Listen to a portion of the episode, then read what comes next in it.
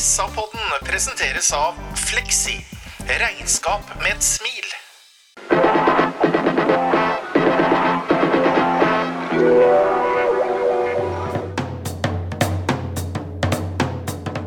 Sarpsborg Arbeiderblad gir deg en ny episode av SA-podden med Sven René Nygård, Øystein Weber, Petter Kalnes og Bjørn Inge Bingen Nilsen.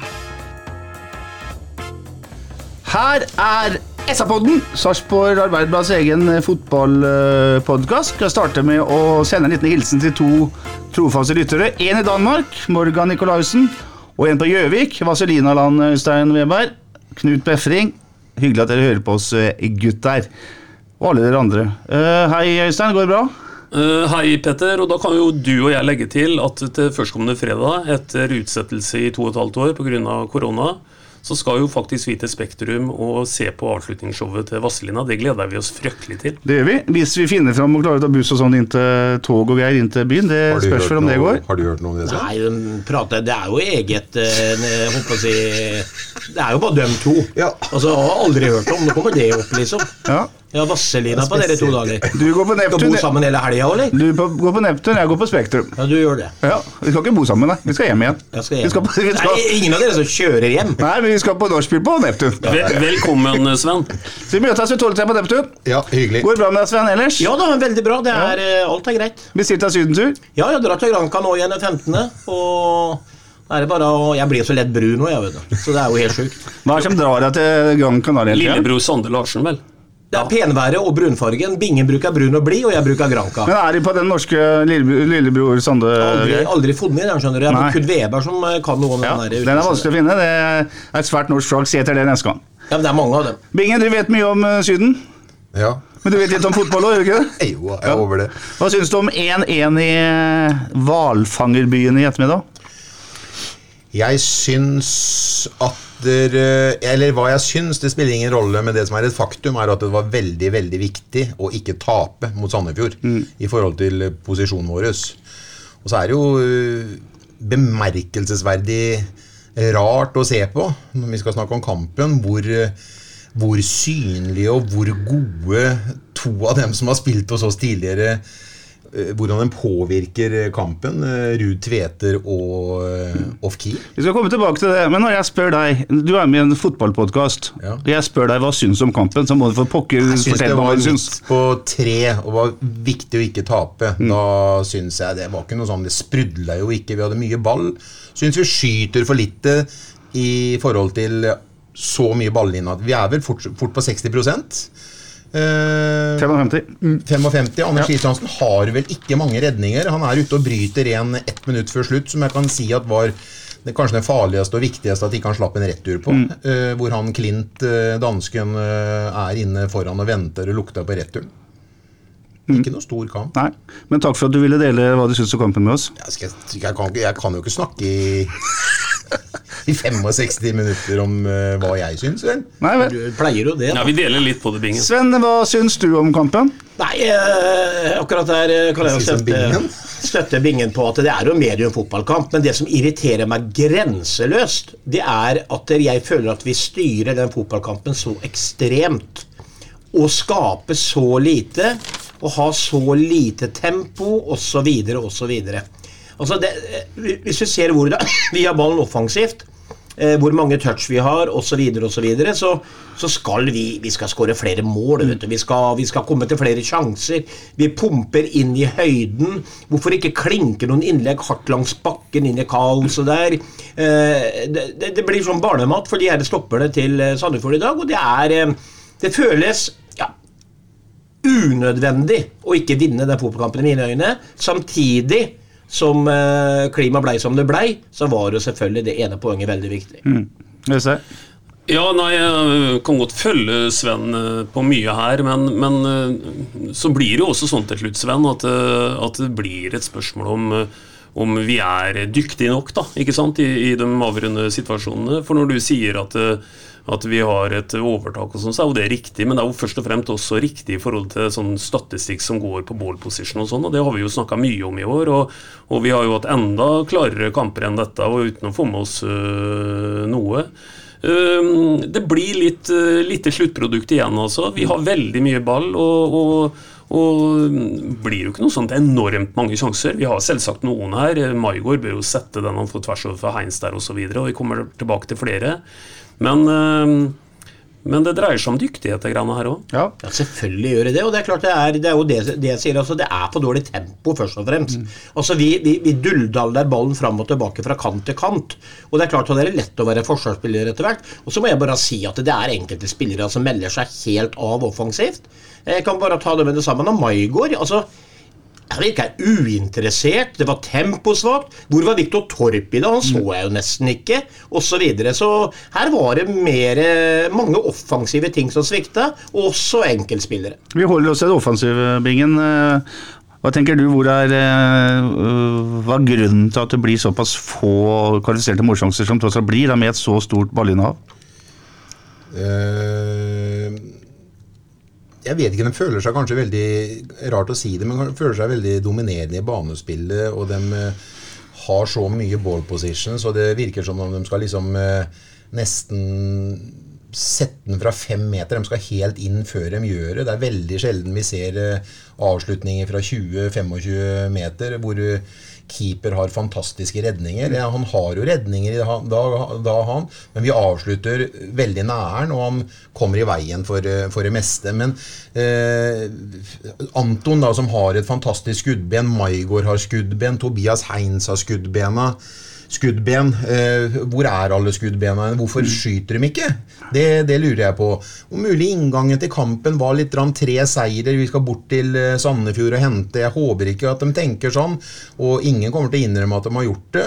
Men eh, det er jo bemerkelsesverdig å se at et lag som ligger på kvalik nå, og vi har tre seirer og vind i seilet, og at vi blir på en måte så overraska som vi gjør de første jeg vil nesten si det første kvarteret. Mm. Vi kom nesten ikke med i, eh, i kampen engang før det var gått 14-15 minutter. Da begynte det å sitte litt. Grann. Vi hadde jo mer enn nok med Vi hang i tauene som rakkeren. Off-Kier virvla.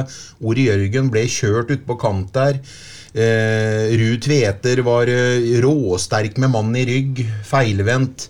Stussa og ordna, holdt mannen unna. Fikk eh, ordna med det venstrebenet sitt akkurat som han ville. Og det syns jeg var rart. Mm.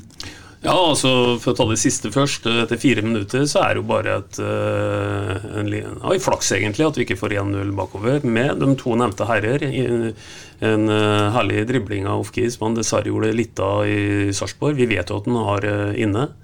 og den volleyen til, til Ruud Tveter som går på utsida der. Men jeg tror at kanskje Bingen er inne på noe av dette her i forhold til at vi gjør ting for vanskelig. Det tror jeg er noe av grunnen til at vi ikke ser en slags samvariasjon mellom det overtaket vi har i banespill og sluttprodukt. Eh, vi legger opp til at dette her skal på en måte inneholde veldig mange entouch kortpasninger her. Og, og, hvor er, som også Bingen etterlyser, hvor er de litt enkle avslutningene? Hvor er litt sånn å løse skudd, f.eks.? Det mm. ser jeg litt av.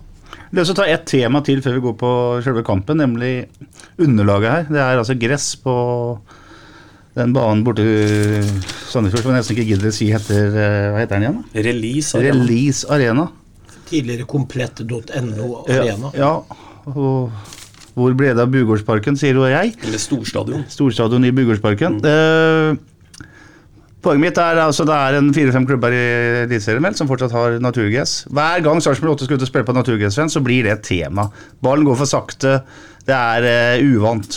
Men de trener likevel ikke på naturgress uka før, fordi man sier, så vidt jeg har skjønt, at treningsfeltet på stadion er for dårlig. Uh, da vil jeg mene at han får må leie seg en bane som er god nok, da, så man får trent på det underlaget hvis det er så viktig. Hva, hva tenker du om uh, at sånne problemstillinger kommer opp? Nei, Jeg syns hun bare skal holde helt kjeft jeg, eh, og ikke snakke om det i hele tatt. Mm. Fordi at eh, Jeg vet ikke hvordan det er med Sandefjord og Viking og de lagene som, og Haugesund, om de trener på kunstgress ellers i uka. Altså, de er vant til å spille på naturgress. For dem så kan det være vanskelig å komme på kunstgress. Mm. Det blir den motsatte problemstillinga for de få lagene da, som spiller ekstremt mange kamper på, på naturgress i forhold til de andre. Så det her Jeg, jeg tenker at det er ikke noe Altså Sånne ting kan du ikke bruke som noen eh, unnskyldning eller et eller annet. Si. De har en, en bakdel, eh, Sandefjord, som spiller mange kamper på kunstgresset. Jeg tror de sjøl har naturgress, så det, det bør gå opp i opp. Ja, det synes Bingen, så ser jo ikke det treningsfeltet nede på stadion akkurat ut som uh, potetjord nå. Det synes jeg, Jeg klarer ikke å skjønne det. det. synes jeg er veldig rart. Ja. Treningsfelt på stadion blir det nesten ikke brukt, og det har jo på høsten så har jo det vært vært helt suverent. Ja, ja. Det er jo ikke det er jo ikke tuste der nede. Det er jo Banemann Isaksen med gutter har jo en, eh, gjort, gjør jo en fantastisk jobb der nede og har gjort eh, i hvert fall hele fotballivet mitt. Så det syns jeg er rart at vi er for uh, vi er så fine på det at vi ikke kan trene på det gresset der nede for at det er, det er for dårlig. Men jeg har lyst til å si en ting igjen i dag. Vi må Vi kan godt være kritiske. Eller jeg, jeg, jeg har egentlig ikke lyst til å være kritisk i dag, for jeg er egentlig superfornøyd. Og jeg så viktigheten i at vi klarte å få en uavgjort. Det er noe som ikke stemmer med kampplanen fra start. Det er noe som stem, ikke stemmer med tenningsnivå osv. Men nå skal vi være veldig fornøyd med at vi har etter åtte tap går inn i siste, siste tredjedel av sesongen. Eh, fire første kampene så har vi da tre seirer og én uavgjort.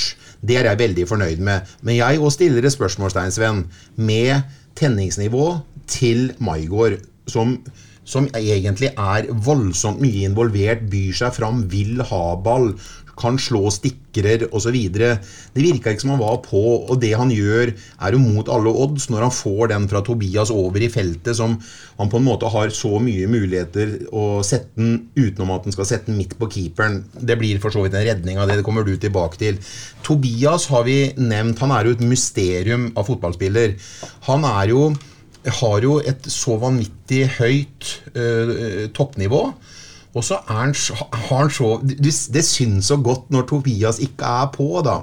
Og da er eh, båndnivå liksom eh, det, er nesten under, under bakken.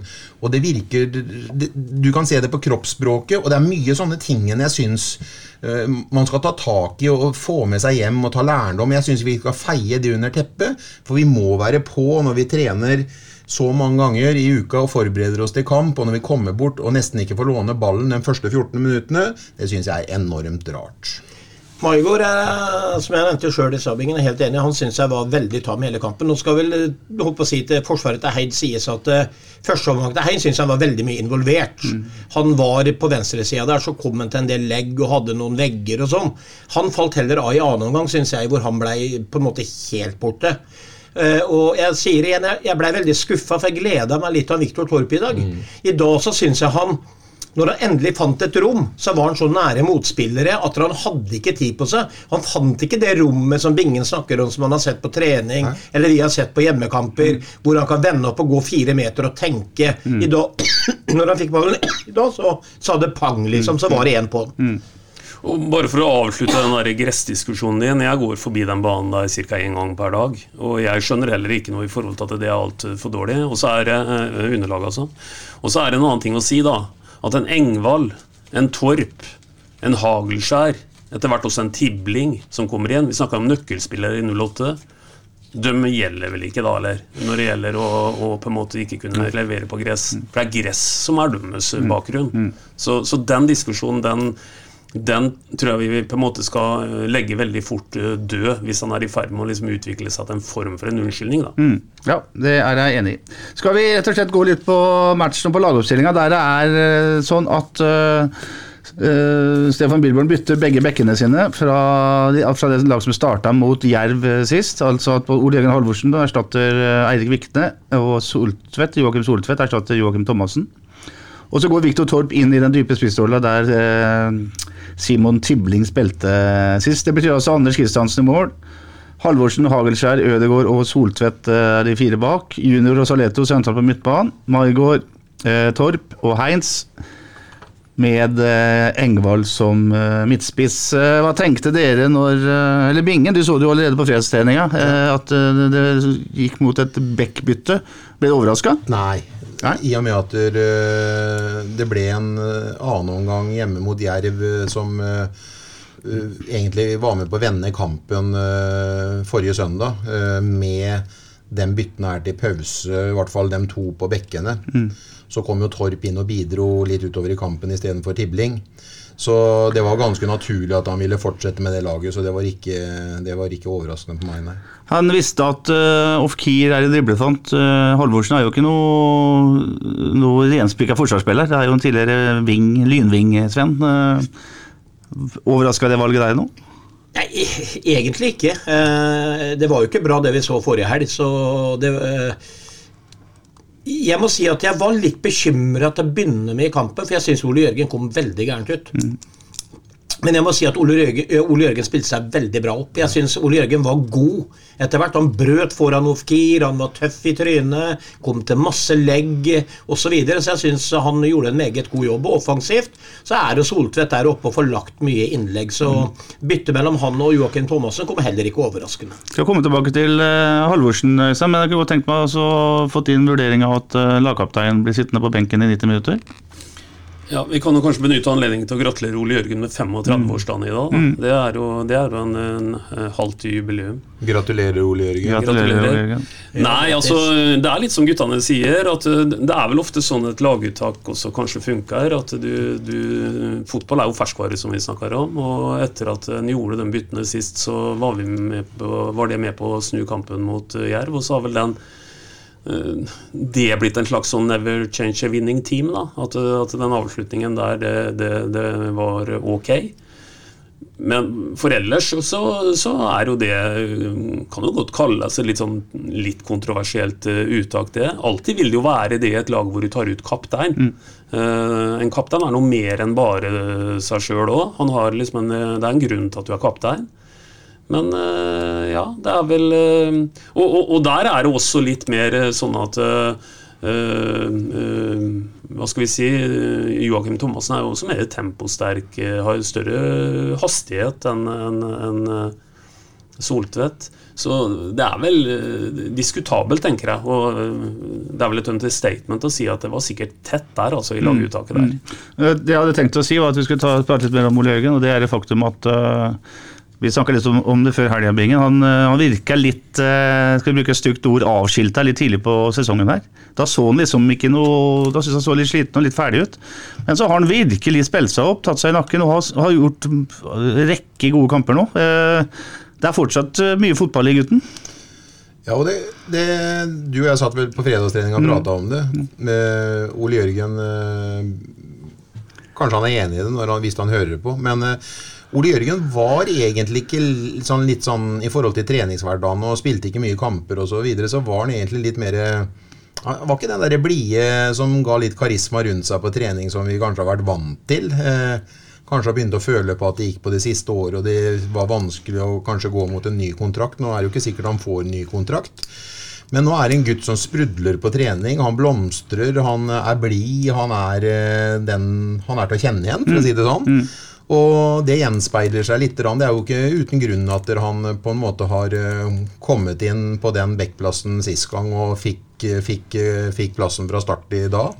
Så det er tydeligvis at det er flere på, på treningsfeltet enn deg og meg som syns han eh, har blomstra på sensommeren. Ikke sant. Uansett, når vi skal skrive, skrive historie om Sarpsborg 8, så er eh, Ole Egen Halvorsen en klubblegende. Han er en han er jo en av de viktige i, i Sarpsborgs fotballhistorie all over nå, når vi begynner å se det store bildet. Men han står uten kontrakt fra 1.1. Eh, har dere lyst til å gi Thomas Berntsen noe råd i den saken her, eh, Sven? Hva, hvilke vurderinger bør gjøres med Halvorsen, 35 år gammel? Det er vanskelig, vet du hva. Den der, det spørsmålet er veldig bra, Petter. Og det er vanskelig for meg å si, men jeg, jeg rakk fingeren i været. Mm. fordi jeg skulle egentlig bare si grunnen til at jeg tror Jørgen kommer tilbake når han er avskilta sånn, det er jo at han er gjennomprofesjonell som idrettsutøver. Han er gjennomprofesjonell med å ta vare på sin egen kropp og sikkert egentrening. Og han har bestandig løpt mest av alle i 08 eh, på løpstester osv. Så, videre, og så, videre. så det er en av grunnene tror jeg, til at Ole Jørgen makter å ta opp den kampen igjen og, og spille seg inn på laget nå. Men det å gi ny kontrakt, det er eh, Det kommer liksom litt an på Hva er tankene til Thomas Berntsen nå? Eh, hvor har de tenkt å forsterke, f.eks., for osv. Så, videre. så her er det jo mange baller. Men det er klart, han er en legende. Han er en lokal gutt. Han, han gir laget en ekstra dimensjon bare pga. det. Så det er klart at Ole Jørgen hadde vært viktig å ha med videre. Men uh, Ja, nei, det er vanskelig. Jeg tør ikke å spå hva som skjer der, for å være helt ærlig. Jeg er enig. Eh, tenker du, Øystein? Nei, altså nå har jo Thomas Berntsen tidligere vist at, eh, at hvis han mener at eh, folk eh, ikke holder lenger, uavhengig av lokal legendestatus, så er det game over. Ref. eh, Ole Heieren Hansen. Han var jo ikke mer enn ca. 31, tenker jeg, da han, eh, det ble avslutta der. Nei, altså klokkene ringer jo for eh, Ole Jørgen naturligvis i forhold til å se på dåpsattest og alt det greiene der. Og så har vi jo tidligere vært inne på det der med at du kan jo du kan jo vurdere det verktøyet og ha det verktøyet i verktøykassa di. Ref. Skålevik, som vi har diskutert tidligere. da.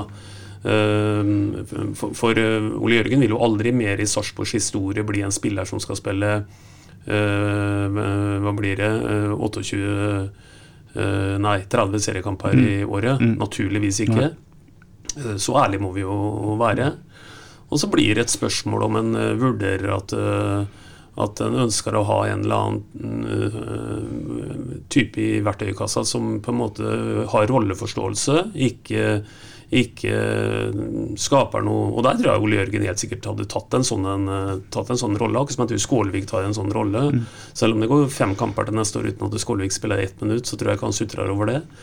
Så, så, så det er litt den der eh, totaliteten rundt det. Så har det jo med, med, med kroner å gjøre og, og alt å gjøre til syvende og sist. Men det er klart at det, er du 35 år og i utgangspunktet eh, har jo vært en eh, først og fremst en offensiv spiller, så, så er det bare å titte på eh, empirien, som det heter. Du, du- har jo ikke lenge igjen da. Det skjønner Ole Jørgen, det skjønner alle. Og så er liksom problemet med dette her, jeg er helt enig med Veberg i dette med verktøy i verktøykassa, for det er Ole Jørgen uansett. altså Får du skade på høyrebekken, så kan Ole Jørgen gå ned og ta den. Får du skade på en kant ut på høyre side, kan Ole Jørgen gå ut og ta den. Og han utfyller de oppgavene ganske så greit. Men det er liksom Hvor mange verktøy skal du ha i den verktøykassa? Vi snakker om stallens eh, si, bredde eller Størrelse. størrelse. Og det er klart at jeg er jo messa om at vi må ha færre i stallen med høyere kvalitet.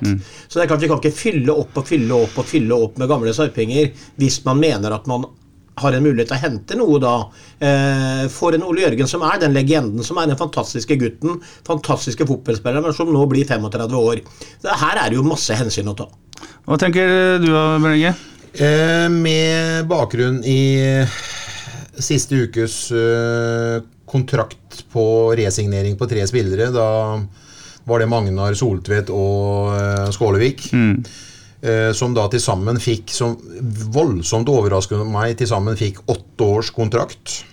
To treårskontrakt, nei, én treårskontrakt og to toårskontrakter. Ja, syvårskontrakt.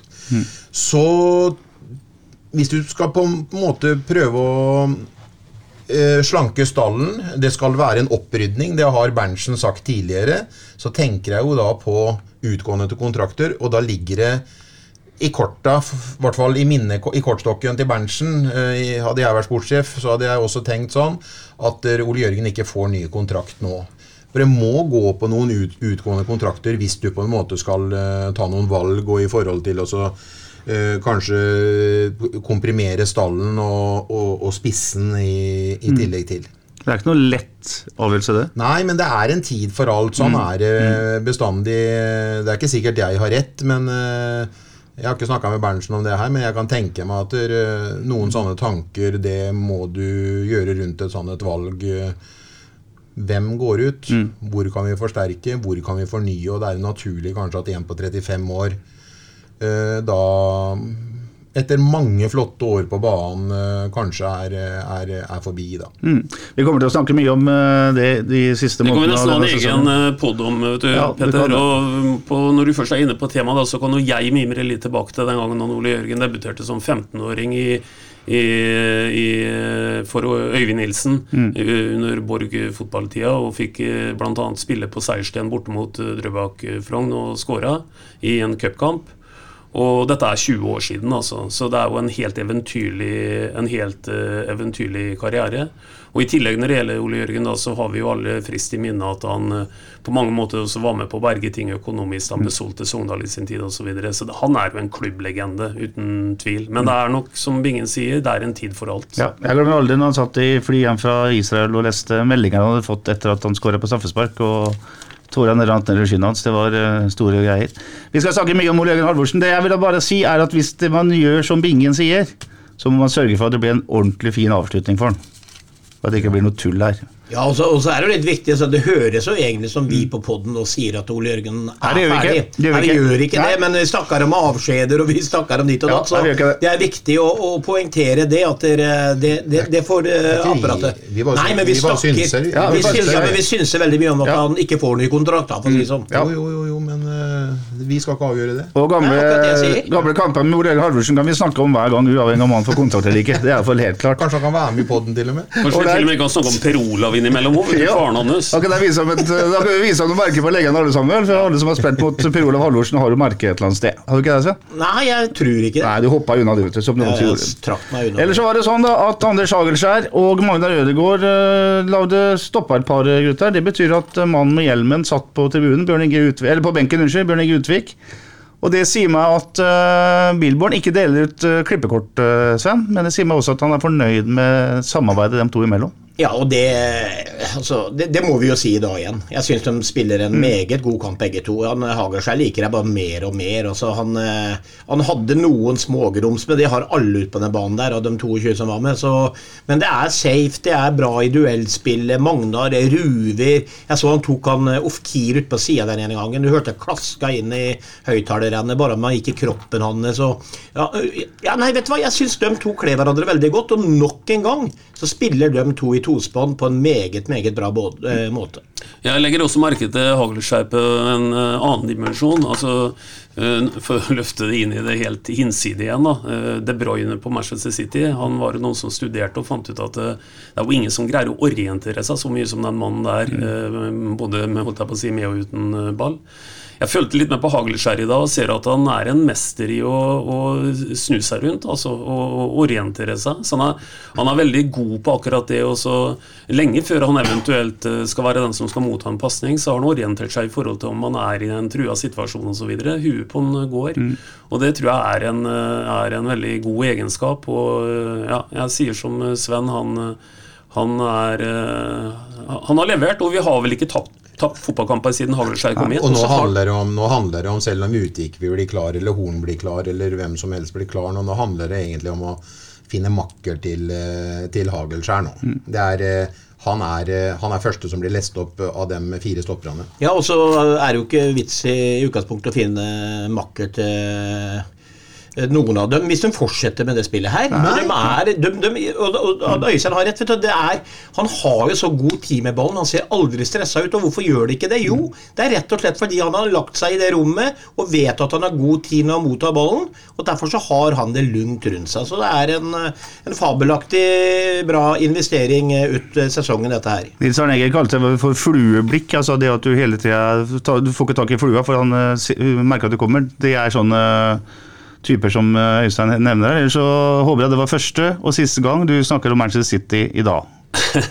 ja. Ja, nest, hvis du gjør det en gang til, så slår jeg trykker jeg på knappen, så går jeg og legger meg. Hold kjeften på Så deg! Jeg hadde faktisk tenkt å gjøre det etter. Ja, det skal vi ikke gjøre. Slår av Jeg slår av kassespilleren. kassespilleren, går og legger meg. Herlig. Kampen starter som uh, observant Bingen her allerede har sagt, med at uh, av en eller annen grunn så er det liksom Sandefjord som etter det første minuttet, da der det er et brukbart eh, 08-angrep som ender med at Torp skyter utafor, så er det faktisk eh, våre venner i Sandefjord det handler om. Eh, Volin fra Alexander Ruud Tveter allerede etter eh, tre, eller kanskje fire minutter. Det er et bra treff med venstrebenet, som sklir heldigvis på utsida av stolpen. Egentlig bare, bare flaks. Og så er det rett og slett Jeg skriver en elendig start for 08 etter ti minutter her. Eh, og så husker jeg jeg tenkte på deg, Stabingen. Jeg så, husker du hvordan du snakka om uh, Unnskyld, Jørgen Horn. Finta til Jørgen Horn, og han mista ballen midt på banen og ble utvist. Husker du? Ja, ja. ja. Espen Widlund fint. Ja, men det så du Og det her er ikke noe mobbing, men uh, Engvold var faktisk alene etter ti minutter og får et elendig touch på ballen. Eh, overraskende. Nei, det er dessverre ikke det. Den mannen er laga noe helt fenomenalt i forhold til eh, arbeidskapasitet og hvordan han driver og river og sliter i stopperør og bekker og har en fantastisk eh, go, altså hvordan han starter riktig òg. Men det der med nærteknikken sin, mm. stakkar, det der eh, eh, det, det er faktisk ikke veldig ille å se på, for det er helt 50-50 det egentlig, om han eh, har den i bena, eller om det skvetter ifra han, eller om han eh, skyter på keeper eller skyter utafor. Det er veldig sjelden, til og med på trening, at de, eh, de går i mål, men uvurderlig i forhold til ja, fantastisk innsats. Jeg pleier å beskytte Egvold, jeg skal gjøre det på en måte igjen, men jeg er helt enig med at han, du ser at gutten ikke har hatt selvtillit nå. Men jeg så på reprisa i sakte, sakte film Mm. idet han får det første touchet og er på vei til å ta det neste. Da spretter ballen opp på Mm. Skinnleggene hans og inn til keeper. Så det. er touch. Ja. Det, han hadde ikke spruttet fra en sånn Nei. hvis ikke det hadde vært for den kulen som Og han har ikke mulighet til å se på ballen, for det er sånn gjør Ja, ja, instinkt. og gikk? Mm. rett i skinnleggen på den og spratt videre til keeper. Jeg er enig i det, Sven, men det er, som, det er- liksom så mange andre situasjoner du kan plukke, plukke naken Ja, ja, på, ja, for å si ja, det ja. sånn, i forhold til nærteknikk. Men eh, det kan nok være, og det er nok helt sikkert sånn, da Han har jo en enorm toppfart. Han er jo oppe i toppfart på på to-tre steg nesten. Er helt merkelig. Eh, Og han er eh, superrask, og han får kroppen foran bekk og stopper mange ganger og kommer alene med, med, med, med keeper. Så det kan hende det altså det å ha teknikk i forhold til den farta liksom, Hadde han hadde Ja, klart ja. å kombinere det, Sven, så hadde han jo ikke Ja, vært på lån i Slottet, vet du. Nei, Han hadde jo spilla på en helt ja. annen hylle. Men vi kommer til å snakke om noe som var en god avslutningsteknikk. Ja, det skal vi bruke mye tid på. jeg Men jeg kommer. aldri til å sage han med, for han har et utrolig hjerte og er så nyttig Ja, ja, lagspiller. ja, ja, ja. Og så må han være grusom å spille mot, for han står jo ikke rolig i det hele tatt. Alt er Alltid på løp. Eh, 13 minutter, så er det en liten detalj som er litt interessant for unge fotballspillere. Da tar eh, Joakim Soltvedt et eh, løp på 40 meter, eh, overlapper eh, Tobias Heinz. Tobias Heinz er innenfor 16-meteren, har selvfølgelig ikke eh, noen annen intensjon enn å skåre mål, så Heinz bruker Soltvedt som eh, finte. Og så overlappen, som han da ikke bruker. Bekken vet jo ikke hva han skal gjøre, og, og Hein skyter i nettveggen i, på første stolpe, hvis jeg husker den. Utrolig hvordan man kan gjøre et løp for kameraten sin uten at uh, man gjør noe annet enn å hjelpe den. Ja, men du hjelper den jo, som du sier. For det er jo akkurat det som er hele poenget. Alle skjønner jo det at hvis det er mye bevegelse foran ballfører, og du får to smarte løp, så kan ikke begge de to få ballen. Men øh, det er jo ikke bortkasta det løpet Soltvedt gjør der. For da, da gir han øh, Tobias Heins nettopp den muligheten til enten å bruke det eller ikke bruke det. Og som du sier, forsvareren i en sånn situasjon han blir stilt i en ganske kattepine, altså. Og så kommer det noe som er ganske typisk for, for denne kampen. her. Fra 16. til 19. minutt så har Sarpsborg 08, og det husker jeg sikkert dette her, de har faktisk ballen innpå Sandefjords eh, banehalvdel i, i tre minutter. Vinneren igjen, vinneren igjen, vinneren igjen. Men det man skaper på de tre minuttene, er et venstrebenskudd fra Ole Jørgen Halvorsen, som eh, keeperen gjør en bra redning på. Utover det så er det liksom ikke noe sluttprodukt. Nei, jeg satt også og fikk sånn eh, flashback til eh, bortekampen mot Jerv i Grimstad. For eh, da hadde vi Men det resulterte jo til syvende og sist i et mål. Da hadde vi enormt mange pasninger. Denne gangen så hang det ikke like, var ikke like mange på rad, men vi gjenvant og gjenvant og gjenvant. Og det er som du sier, vi, vi sto altså inne på banehalvdelen deres i minutter. Eh, Men det blir liksom ikke like vakkert når det ikke resulterer i noe, da. Nei. Og så tenkte jeg en annen eh, sak, og det er jo helt å kunne si det når vi snakker om skuffelsen offensivt og dårlig tempo og sånn. Men tenk å ha vært Sandefjord-supporter den perioden der. Altså, Huset her da vi gnidde oss i huet og øyer på eh, stoppere som spilte bort baller og sånn. Vet Du du traff ikke en medspiller en eneste gang. Alle klareringer gikk fem meter ut og rett til 08-spiller. Og har vært helt frustrerende for dem. Ja, det, det må ha vært det. Men etter en 25-30 minutter så, så er det ikke mye sjanser som blir skapt. Eh, Soltvedt har en Nei, Engvald har en heading eh, som går eh, over. Som ikke, Rett opp og rett. Rett opp og rett. Jeg har ikke noe særlig tro på han. Så får Magnar Ødegaard et eh, mål annullert for offside, som ser helt eh, riktig ut. Det fikk for øvrig også Sandefjord eh, tidlig i omgangen. Men etter 42 minutter så kommer det vi så vidt har nevnt, nemlig 1-0-skåringa til Sandefjord. Et innlegg der eh, Ruud Tveter er sterk, eh, holder Magnar Ødegaard unna og legger den ut til eh, Mohammed Ofkir som kliner til seg. Ja, og jeg må bare si det. Den situasjonen der, det er jo et fantastisk mål. Ole Jørgen følger en spiller som han må. Maigård ligger rett i nærheten av Ofkir og ikke si, Han ser ikke Kleiba rundt seg i den situasjonen der. For han vet at Ole Jørgen må være med én inn i banen der. Kan ikke la han gå, og Maigård skal avskjære den muligheten der. Så det er et slett defensivt arbeid igjen, som gjør at Ofkir får utrolig god tid til å, å, å sikte seg inn. Så det er liksom det, er sånn, det er sånne som kanskje ikke for alle får Jeg mener, jeg ser det, men det er ikke alle kanskje som ser det. At det der kunne vi også forhindra igjen da.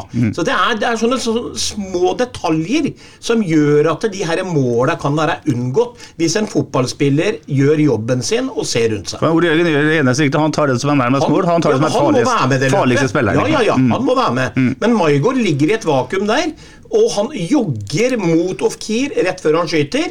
Han kunne vært i nærheten på en helt annen måte og gjort det mye vanskeligere for Ofkir. Det er eh, min sterke mening. Ja. Ja, og så må vi gi Ofkir altså Du snakka om unge mennesker i stad. så Spol tilbake til den situasjonen der og se på det skuddet som Ofkir sender der. Ja, dette er jo læreboka. Den, den sender jo de aller fleste høyt, høyt over mål.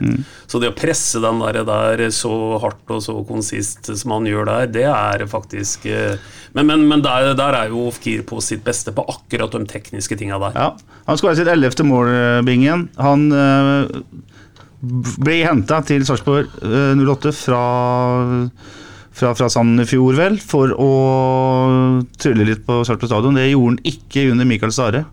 Eh, han kunne ha gjort det under Stefan Bilborn. Er det så enkelt?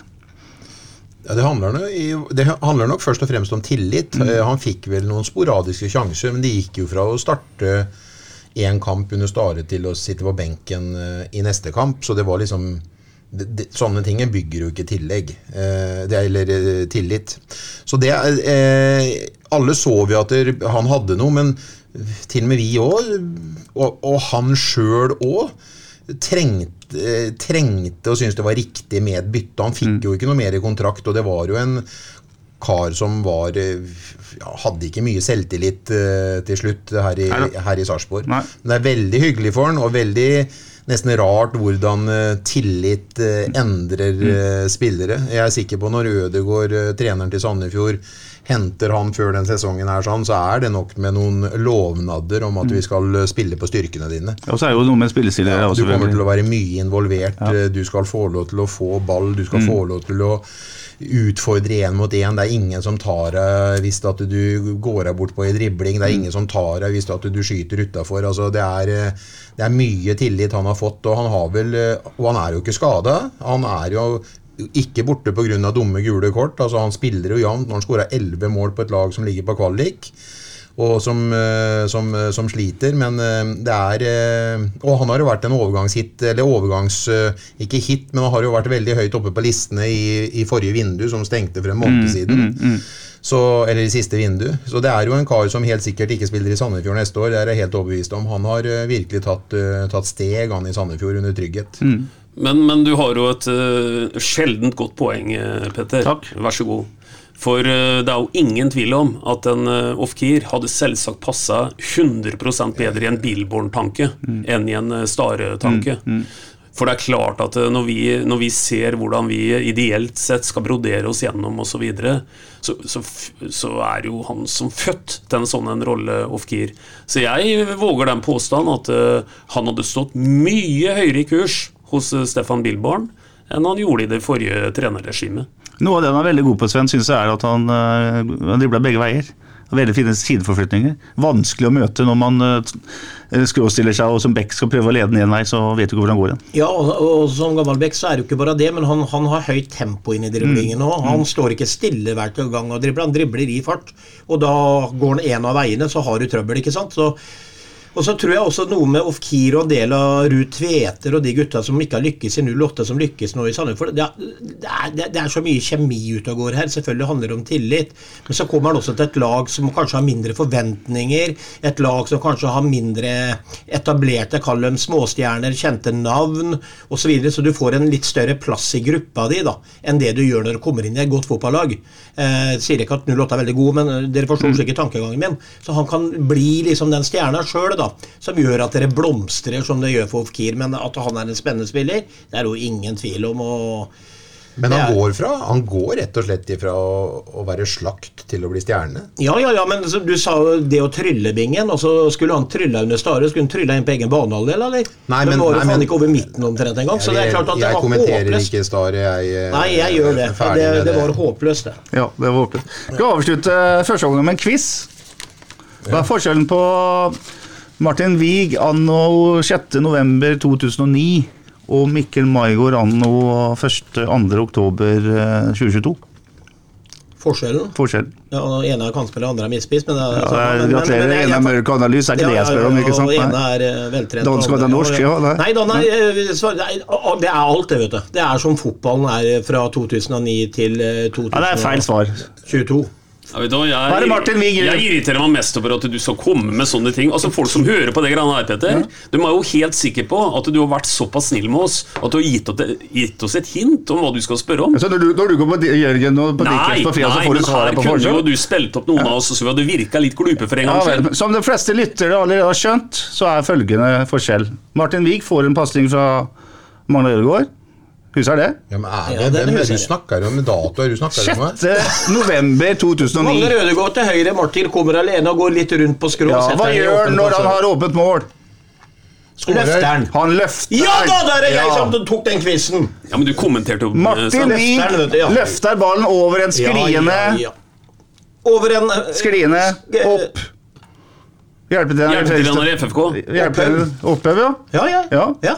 Mikkel, Mar eh, Mikkel Margaard setter den langs bakken Ja, ja. på en skliende keeper. Dårlig, ikke sant? Forskjell. Ja, ja. Er for, Skuffende. det er kun jeg som tar sånne her. skuffende. Jo, jo, men det gjør Margot òg. Men ikke begynn å si at fotballen i men ikke snakk deg bortom 2009 bingen. og i 2022 Ikke snakk ned Martin Wiig. Jeg snakker vel ikke ned Martin Wiig, alt er forskjellig. Be om Sånn, unnskyldning, slutt. Sven.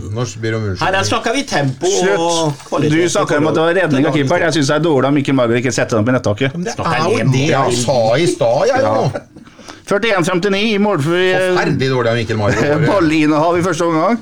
Altså Sarpsborg har ballen 59 av tida, men har bare to skudd på mål i den offisielle statistikken. Ålreit. Uh, 1-0 til Sandefjord i pause. Skal vi ta flere quizer, eller skal vi ta Ta en annen quiz til, da. Ja, har ikke noen flere quizer å gå på, men uh, Engvald eh, får en gratissjanse til det 52. minutt, er det den? Nei. Snakk, da, så det ikke blir sånn kunstig pause her. Jeg tenkte å kunne følge med. Ja. Der han Harvei halvveis sklir et uh, skudd mot uh, den venstre, altså høyre stolpen til keeper, hvor like på, like på utsida. Det stemmer. Den er jo egentlig ganske stor. Han, eh, Tor Hammerød kommenterer noe nesten som det er en scoring. Han tror faktisk han går inn. Han skrur Ja, ja. Å ja, for Når faderen. han skyter i Er det vendinga. gratissjanse? Det syns jeg var helt fantastisk. Nei, men det er en feil i forsvaret deres som gjør at han får sjansen. Men- det er bra det han gjør. Kjempebra. Det er litt rytme i podkasten. ja, men du, dere, dere har ikke Hadde dere liksom forberedt dere vet du, og sett på Tror du kampen driver og setter på pølse hele tida? Er 62 minutter er det et uh, langskudd. Det er bare så stort. Dumt. Er et godt langskudd fra junior, Ja. som keeper slår til uh, corner. Og så er det en ny grå feil i forsvaret til Sandefjord, som Torp eh, kan avslutte. Det er også en meget svak avslutning. Så vi vil ikke ha noe quiz på hvilke bytter som kommer etter 65 minutter, for det vet dere. Junior går ut, Tibling inn, Simon Tibling inn. Eh, Torp går ut, Gisje Molins inn. Eh, vi kan ta en lite pust i bakken der og snakke om eh, junior. Ja, som ikke har eh, på noen måte sin beste da på jobben. Vi har jo snakka mye om junior, Mm. og med rette. Og han har fått veldig mye fortjent eh, eh, skryt. N- Ikke siden juni. Nei, nei, men nå syns jeg uansett hvert fall at han leverer ikke det da, som vi, han gjorde når han, eh, når han var på det, det beste. Jeg syns at han eh, også spiller med ganske høy risiko i forhold til at han, eh, at han kan få brudd mot seg. Eh, Han er rutinert, og ofte så kan han skape frispark i sånne situasjoner. Men eh, junior har mer å gå på, altså. Syns ikke han vinner like mye baller eller, Sven, som han gjorde. Nei, men, men det er liksom litt rart at hele den dynamikken som var mellom han og Saletros til å begynne med, de, var liksom, de hadde så connection hele veien, og han ene liksom rulla videre til Saletros, tok av seg det. det er liksom, jeg syns det er så mye rom imellom dem nå. Det er, eh, du har liksom ikke den tighte eh, ja, connection dem to imellom heller. Jeg syns Saletros klarer seg bra. Ja, Saletros, ja. Det er ikke han vi snakker om, er det ikke junior? Er du, har du pigga han utebingen, eller? Nei, men uh, Han spiller jo ikke på plassen han skulle spilt på. Han skulle spilt venstreback. Ja, ja, Bingen skulle hatt altså venstrebekk, så han kunne kommet opp. Ja. Vi bruker masse mer om det. Eh, Nei da, men, men, men junior har mer å gå på, det er ikke noe tvil om det. Mm. Eh, Det er, eh, det er eh, stor forskjell på han nå fra de aller aller første kampene. Vi er snart i det 70. minutt. Ja, da, altså, spiller, hadde det vært utenkelig tidlig i sesongen å ta ut en junior etter 65 minutter. Ja. Så bare det at det skjer Så nå det har er du jo- taleforbud, Bingen. Det er jo åpenbart at en ser det fra sidelinja, det samme som vi sier her, da. det, det de gjør, er å sette Tibling rett i den dype midtbanerolla sammen med Saletros. Uh, av valg. Morins tar plassen til Torp i en dype spissrolle. Ja, du syns det var et godt valg? Tibling uh, jeg var, ja. eh, gjorde et veldig godt innhopp. Ville ha mye ball, bøye seg fram, slo veldig mye riktige pasninger. Og sånn som vi kommenterte han i starten om, han slo til, til nøds uh, side, sideveis. mm. Slo ikke hjemover. Han ville ha laget framover. Og han fikk laget framover. Hadde veldig mye ballinnhav. Hadde mer ballinnhav på den tiden han spilte enn det Mikkel Maigård hadde på hele kampen. eh, uten at jeg har statistikk på det, og da kommer eh, da Tore Bergerud sikkert til å kvele meg igjen. Eh, Men det kan virke sånn fra TV-stolen at han var veldig viktig bidragsyter i, til å så være med på å kjøre det her til vi fikk et poeng. Ja, og Som regel så er analysen fra TV-stolen riktig. vet du. Ja. Bra. Hva syns vi om innhoppet til Molins, eh, Sven, du som er glad i han? Nei, det skjedde jo ikke noe særlig. Det jeg la merke til, at det, det, men det var litt med kampbildet. og Molins var mye mer inne i motstanders 16-meter og sånn enn det Torp var. Torp var mer tilbaketrukken for å være spillerfyrer og, og ligge i den rollen og få baller, men eh, det blei jo ikke noe ut av det heller. Jeg, jeg tenkte liksom når han kom inn, at det, det, kanskje det kunne skje noe, fordi at det at det kunne trylle litt inni 16-meteren der, men uh, gjorde dessverre ikke det. Og uh, det var et helt medium inne opp, mm. og ikke noe mer. Ja, det er jo litt sånn Det er jo ikke noe trylling lenger der. Eh, og det som er, jeg syns er skuffende med, med Molins, er for så vidt at vi kan jo ikke bli skuffa over at han ikke har bakromshurtigheten til Engvald osv., for det har vi jo slått fast, og det kan jo ikke han gjøre noe med. Men når han, når han kommer opp i posisjoner som han normalt sett skal være sterk i, f.eks. å kippe inn den ballen han får nede på dørlinja der, og det ender bare med sånn en flatt eh, fruseskudd som bare blir blokkert uh, veldig enkelt. Det er skuffende, for, for da står han egentlig i sånne type situasjoner som han burde håndtere nesten best av alle, basert på hans bakgrunn. bakgrunn. Er Molins eh, så viktig at han bør få noen ny kontrakt? Nei. 69 minutter så gjør uh, Billborn nok et eh, offensivt bytte, vil jeg si. Uh, Halvorsen, som er en offensiv spiller, men sliten går ut og Vikne kommer inn. Syns det også var et, eh, en bidragsyter, Sven. Prøver i hvert fall. Ja, prøver. eh, Det, men det syns jeg Ole Jørgen gjorde hele veien. Men som han sier, når vi sammen blir sliten og må bytte, så må han bytte. Eh, Jeg syns liksom fortsatt at de få gangene hvor eh, eh, Ofkir eh, nede på venstrekanten kom, eh, fikk noen baller, det var store rom, så syns jeg liksom Jeg, jeg føler meg liksom ikke trygg. Det er, det er sånn joggende uti et type press, og hva skjer nå? Kommer Ofkir til å vrikke på rumpa, så er han Vikne borte, osv. Men det er klart at han, han kommer jo ikke skam på noe, det er ikke det jeg mener. Men jeg, jeg syns ikke han kom inn og, og snudde noe spesielt, egentlig. Men han har farta til å følge den, da. Ja, ja. ja, det ja. Men det hjelper ikke om du følger folk hvis du blir vendt vekk og du Nei. går i et alibipress eller blir lura i et press. Det blir Liksom. lett for at det blir følgefeil. Det blir følgefeil på følgefeil. Vikne er jo en av dem som jeg tror at, øh, at øh, litt sånn underpresterer i forhold til egentlig øh, hva vi, jeg virkelig forventer av han, da, nettopp pga. den hurtigheten han har. Jeg ser i det 74. minuttet i dag hvor han tar med seg ballen og driver den gjennom et ledd og, og, og prøver også å sette opp øh, nestemann. Og nettopp hurtighetene i de situasjonene der gjør at han er egentlig er en framtidas fotballspiller. altså. Så jeg håper at, øh, at Vikne tar ytterligere noen øh, steg, spesielt defensivt naturligvis. da. For da tror jeg at vi har en av de bedre bekkene i Eliteserien. Bingen har jo allerede solgt den til eh, Sør-Europa. De gjorde noe var det under fjorårssesongen. Vikne. De gjorde det. Du har sikkert glemt det. Du glemmer fort. Men du har ikke glemt det som skjedde etter 76 minutter i Sandefjord søndag kveld.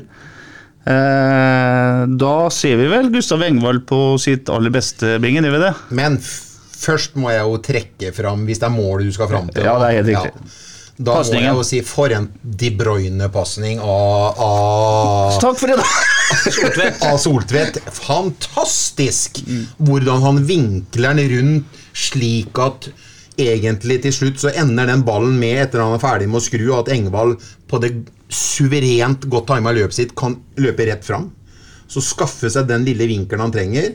Og så gjør han jo et C-moment, for at det var jo den Han tok jo den vanskeligste avslutningen han kunne ta, egentlig. Men heldigvis så ble det mål, og så godt for oss, og så godt for Engvald, og så godt for laget. Veldig bra. Den pasninga er altså så bra, så midtstopperen Til slutt så har han ikke noen annen sjanse enn å bare hive seg og prøve. Eh, for Nei, han, han klarer ikke å falle Det på riktig side. Det er bare, Ja. det er bare fotballintelligente fotballføtter Mm. som slår sånne pasninger som det her er her. Sånn. Og det er jo styrken altså Nå snakker vi ikke om tempo. Vi har slutta å snakke om tempo Mm. når det gjelder Soltvedt hjemover, men for en fantastisk smartness han har i føttene sine. Ja. Og hvis jeg legger merke til Der har faktisk eh, Tor Hammerød eh, Nå refererer jeg til kommentatoren i dag. eh, En liten blødning, altså. For hadde dette vært radio i dag, med Tor Hammerød som, som kommentator, så får han dette til å høres ut som en kjempestor forsvarstabbe av, av Sandefjord.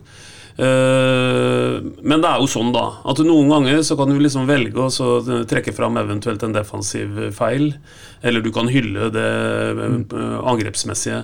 Og da er jeg jo helt enig med Bingen at den pasningen til, til Soltvedt er, er det høy, høy klasse på. Og det er ikke sånn at dette her er skapa av en, en kjempetabbe av Sandefjord som han får det til å høres ut som. Nei da, men samtidig så, så, stopperen skal jo falle der. Det er ikke press på baller, han skal jo falle enda mer. Han skal ha mer kontroll på situasjonen. Men til slutt så må han kaste seg, for det er eneste mulighet han har. Så hadde, hadde Sarpsborg fått den imot, så hadde jo vi vært kritiske til stopperspill, hadde vi ikke det? Nei, det er noen ganger du må hylle, hylle Ja, men, eh, Jeg bare, da var Sven svaret, da. Spurte han meg altså? Han er kaptein, du er keeper. Det er to forskjellige ting. du er, ja, du er keeper. Eh, jo, selvfølgelig. Eh, men så vet du også det at dere, altså, Sandefjord må jo stå høyt, de òg. De kan jo ikke legge seg bakpå der når vi har ballen langt inn på egen banehalvdel. Og, og den pasningen kommer jo ganske hurtig, så man blir jo tatt litt på senga. Og det er klart at han har ikke noe annet valg der, for han vet jo at Engvald flyr ifra han ti ganger mm. i uka. ikke sant? Det er, og det gjorde Engvald med noen andre anledninger der òg. Han viser hvilket enormt tempo han har i beina sine. Så Helt enig. altså Det, det er en fantastisk pasning, en fantastisk avslutning. Det er egentlig sånne fotballmål som nesten alle trenere ønsker at laget skal skåre. Mm. fotball er ikke vanskelig, skal ikke være vanskelig. Så nei, helt nydelig, og det var ikke noe tabbe. Og så velger han en vanskelig ja, Når vi hyller passinga, så skal vi hylle avslutninga, for det er en vanskelig øvelse han gjør, som du sier. Han tar det på første touchet. Ikke sa sant? det i stad. Han tok C-momentet. Og det var eh, Når han kommer alene der sånn, så tror jeg nesten faktisk eh, at jeg tenker at nå går det til dundas. For at han får en litt sånn Han klarer å få en sprett på den, faktisk. Så han stiger en 20-25 cm fra bakken. Og så kommer ballen på en måte på sida av han. Og så klarer han å få et eh, godt nok treff til at den går inn. Så det ble, det ble veldig, veldig, veldig bra. Men for en pasning av For Soltvedt! Ja, og tenk dere så deilig for Engvald, da. Uh, og jeg, jeg blir jo tydeligvis fora med noen eh, meldinger her av hyperaktive podfølgere her. Og jeg fikk en melding i pausa i dag hvor det var en som refererte antagelig til Thomas Berntsen, som sa at vi har ikke råd til å beholde Engvald. Og for Han sendte meg en melding og så skrev han at jeg er veldig glad for at vi ikke har råd til å beholde Engvald. Men han tok egentlig høyde for, uh, ref eh, en mail vi leste opp tidligere i en tidligere pod, at det kan hende jeg kommer til å sende drit i den mailen jeg sendte, og, eller SMS-en jeg sendte. Og han gjorde for så vidt det, da. Uh, For sist så snakka jeg om at det høres kanskje rart ut å si at det lukter veldig mål av en spiss som har spilt nå en håndfull kamper uten å skåre mål. Og, og det er klart at eh, når han i tillegg hadde de derre Uh, ja, vi, vi har vært innom det. Han fikk ballen altfor langt foran seg da han kommer alene der. Det er, ikke, det er heller ikke eneste gangen det skjer i, i kampen. Da begynner det sikkert å snike seg inn en veldig sånn en, eh, Ja, begynner å føle presset en Engvald da, vet du. Naturligvis. Å, herregud, så deilig det må være å få satt den, som var en klinisk spisskåring. Jeg fikk også et par SMS-er fra en eh, norgesmester i ishockey som skrev midtveis i annen gang den kampen har jeg sett før. Det blir aldri mål. Og så fikk han da etter skåringen at eh, gud, så deilig det er å ta feil. ikke sant? Det er, Sånn er fotballen. Eh, Men eh, det Engvald gjør med å skyte på første berøringa si, altså første touchet og Nå er ikke nær ballen før han skyter den. Det gjør jo keeperen Setter vel keeperen i en litt eh, skinkig situasjon over Bingen? Han tror vel kanskje at han skal ta den med seg? Ja, men da var han vel så nære, vel, så det var vel tid for avslutning. Det var det, ja. Ja, jeg syns det. ja. Man skyter jo i steget, vet du, så Ja. det er klart at det er ikke ofte du ser at keeperne ikke er i nærheten av å være etter den ballen. ikke sant? Så han overrasker nok keeperen her, at den kommer så brått på. For det er jo distinkt, eh, den avslutninga. Og det er litt sånn, men én en eneste gang, og venter jo ikke ut noen ting. Så er, keeperen slet der, uten tvil. Helt til slutten, 87 minutter, så har eh, Engvald en svær en en Svær sjanse til. Kommer fra skrått hold. Eh, Får litt dårlig touch, men han, det blir en avslutning som faktisk ruller i stolpen. En kjempemulighet, egentlig. Men forarbeidet der, hvis ikke jeg husker feil, så er det vel han som raser rundt på siden. Ja, ja, henter, gjør alt selv. Altså, han, han, han, han kriger seg forbi en, og så øker han med ball i beina og løper ifra han med et enormt tempo. Så det er liksom, det, det er de tingene jeg liker så ekstremt å se på når jeg er med han Gustav Engvald. Hvis noen kunne trylla litt, vet du, som vi innimellom har lyst til å se noen gjøre, en Molins, så skulle han trylla den inn. Skal jeg hæle vet den inn eller et eller annet? Ja. For Zlatan han- hadde hæla den. Ja, ja. Altså, det er mange som hadde fått den på undersida, Mm. men han får den eh, dessverre veldig høyt over. Og da er vi litt tilbake til, igjen til det som jeg sa i stad. Det er jo på en måte egentlig det som er kanskje noe av det som er litt skuffende med det som blir levert der, da. For det er jo akkurat de tinga der som antagelig har vært styrken til en Molins. da. Mm. Helt på tampen, på overtid, så får uh, Sandefjord et par hjørnespark som blir sånn småfarlig. Litt unødvendig at de får dem uh, Magnar. Magnar må ta en eh, Det er dårlig kommunikasjon med han og Anders på én der, og så Men den blir klarert, og det ebber da ut med 1-1. og eller der har egentlig han eh, Anders en veldig fin inngripen. Jeg nevnte det i stad. Ja, det skulle, ja. ja, da, er, Eller vi- ja, da er vi på overtid. Ja, ja, siste som skjer. Og den glir gjennom, eh, glir gjennom feltet. Den kommer fra Daddy's Boy, Mm. skrått utenfra høyre. eh, for eh, Sandefjord, uh, venstre for Anders. Og der, der, der er det Der er det så lite om å gjøre at noen får en retningsforandring på dem. For da Anders ligger og venter på han og gir ikke retur. Og det var veldig viktig. Og det er nesten den eneste redningen han har, om ikke den eneste. Ja, men uh, der gir jo Bingen et øh, stikkord. For du vet når vi skal sitte oss og se på denne, denne sesongen her sånn i retrospektiv, uten å liksom henge ut noen, og så skal vi peke på litt sånne vannskille her, når begynte ting å liksom på en måte gå litt rette veien, så er jo Anders Kristiansen sprer jo trygghet. Og fantastisk herlig å ha deg i mål. Men har Anders Hagelskjær og, Anders Kristiansen, Hagelskjær og Magnar Har dem spilt sammen alle kampene? Det har vært moro å ha hatt sånn fort og greit, men eh, det virker som om dem tre der har satt en eh, Når ble solid, eh, solid stamme bakanifra nå. Absolutt. Og så er jo Vi, må, vi, vi vi snakker jo nesten ikke om Saletros i dag, gutter. Han er kaptein. Han går foran som et uh, supergodt eksempel. Han er høyt og lavt.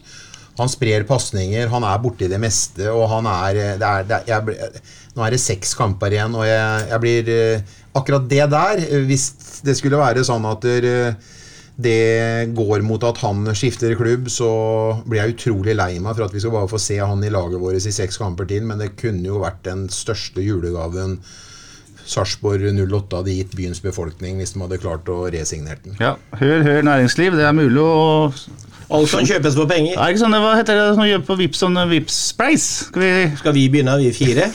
Bare, hvem skal vi sende Nei, til? men, men, eh, men han må jo ville sjøl. Han ja, må jo si at han trives og ser muligheter. Gå ut og fortelle at det her er jo et lag som definitivt skal oppover på tabellen. Og neste år så skal vi kjempe topp fem, og i 2024 så er det Europa som gjelder. Og, faen, det hadde vært så moro Moro, faen. moro man kunne vært med, altså. Jeg hadde det. Øystein, det er seks poeng ned til eh, Sandefjord, som er på kval. Det sier litt om hvor viktig dette poenget var. Ja, det er jo det som er hele greia her, egentlig. Altså, Vi hadde vært nede i smørja vi med, med et 0-1 eh, Eller eh, altså da Sandefjord hadde holdt ledelsen ut her. Da hadde det jo vært 25 på dem, og det hadde vært 28 på oss. Eh, Nå holdt vi jo avstand til Sandefjord, og det, det kommer til å vise seg at det er eh, utrolig viktig. Så sitter altså og skjeler litt til hjemmestatistikken til Sandefjord. Vi snakker om altså det udiskutabelt svakeste hjemmelaget i norsk eh, eliteserie. Altså i forhold til det å få med oss noe der borte. De har altså prestert å vinne én kamp på tolv hjemmekamper. Og det er ingen som er i nærheten av å ha så svak hjemmerekord. Så noen vil vel kanskje si det skulle bare mangle. Men poenget var utrolig viktig.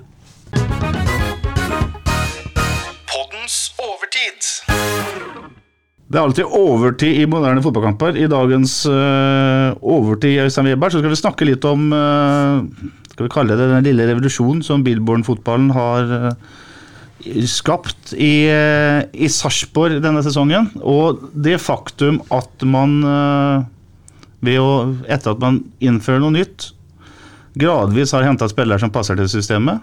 Spillere som man kanskje ikke hadde da systemet ble innført. Eh, vi har jo trekker noen paralleller til f.eks. det som eh, Rosenborg gjorde i sin tid under Nils Arne Eggen. Kan ikke du utdype det temaet litt? Jo, altså, Det de gjorde i hvert fall i sin tid, det var, det var over tiår å terpe, terpe, terpe, terpe detaljer for å få ting til å på en måte sitte. Sitte offensivt sitte altså, Du vet det Eggen, Nils Arne Eggen var kjent for, det kan en Jan Christian Fjærestad eh, fortelle, det kan folk fra Rosenborg fortelle. Det var at de, de trena jo innimellom 11 mot 0. Uh, ikke for, for, noe annet enn at de gikk bevegelsene, uh, bevegelsene sine. Det var terping, terping, terping på detaljer.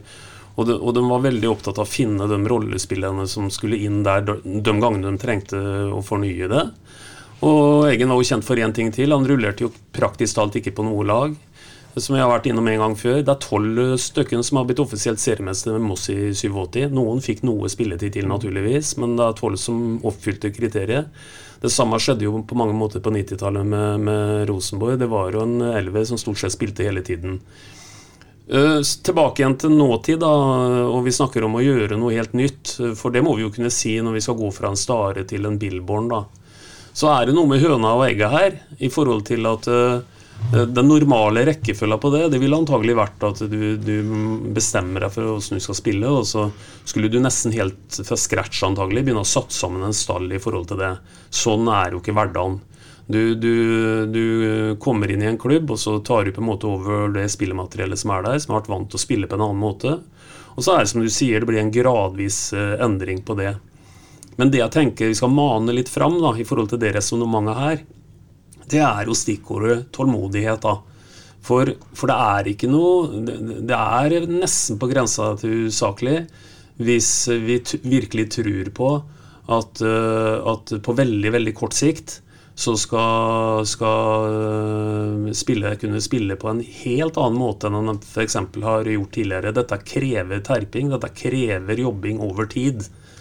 Og det er det jeg tenker at uh, vi kan tenke litt på inn i en ny sesong i 2023. Da, da har vi fått inn et trenerregime som har fått uh, hånda på rattet på flere overgangsvinduer. og og, og, kan på en måte plukke litt uh, Vi snakka akkurat om en Ofkir i stad. Mm. Jeg tror jo at hvis du hadde snudd på rekkefølge her Vi hadde hatt en Ofkir i klubben vi, hvis Billborn hadde vært i forkant av han, tror jeg da. Mm. Men rekkefølga på dette var jo motsatt. Så det er litt det der med at uh, vi får spillertyper som passer inn i, inn i den uh, filosofien som treneren har. Da. Mm.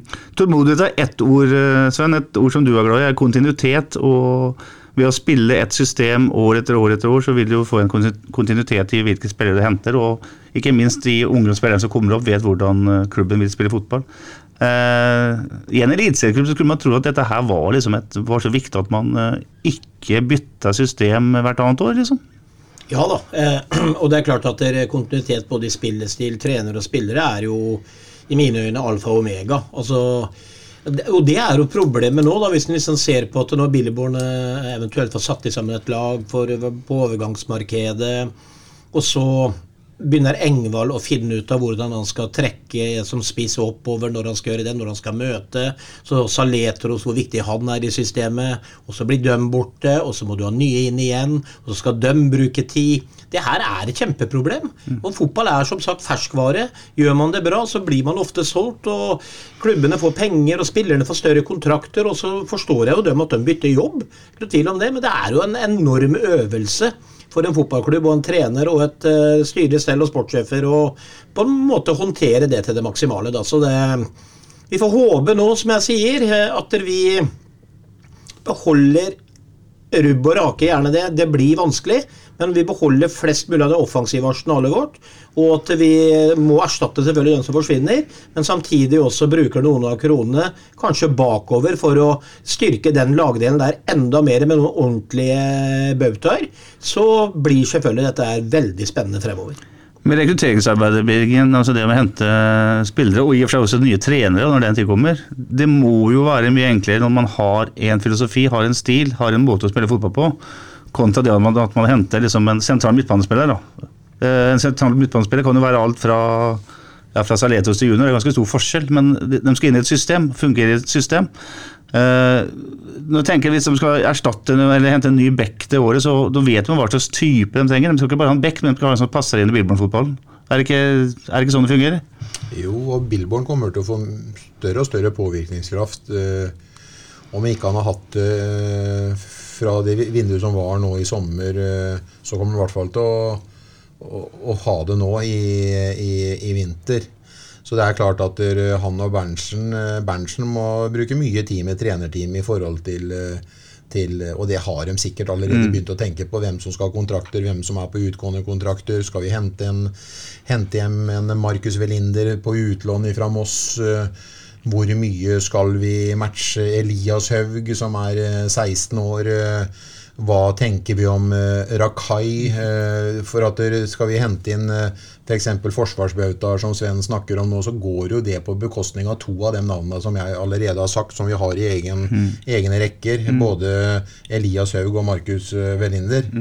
Og vi må liksom eh, bli enige med oss sjøl og slutte kanskje å vakle så ille og bruke overgangsvindu på sensommeren til å, å rette opp i feila som vi gjorde i vinter. Vi må, vi må prøve å være tro mot uh, en strategi som klarer å bære båten uh, trygt gjennom hele sesongen, hvor vi kan få nytte av Bergdølme og Erland Johnsen sitt, eh, sin jobb med dem unge. og La den stallen være som Sven har tenkt på og snakka om mange ganger i poden, som vi òg har blitt en tilhenger av. At vi, vi må spisse den eh, mest mulig. Vi må ha færre i stallen, som gjør at de ungguttene får en treningshverdag hvor de kan bli trygge med nivå og kan gå inn og ta og gjøre den jobben når det er deres tur til å komme inn på banen.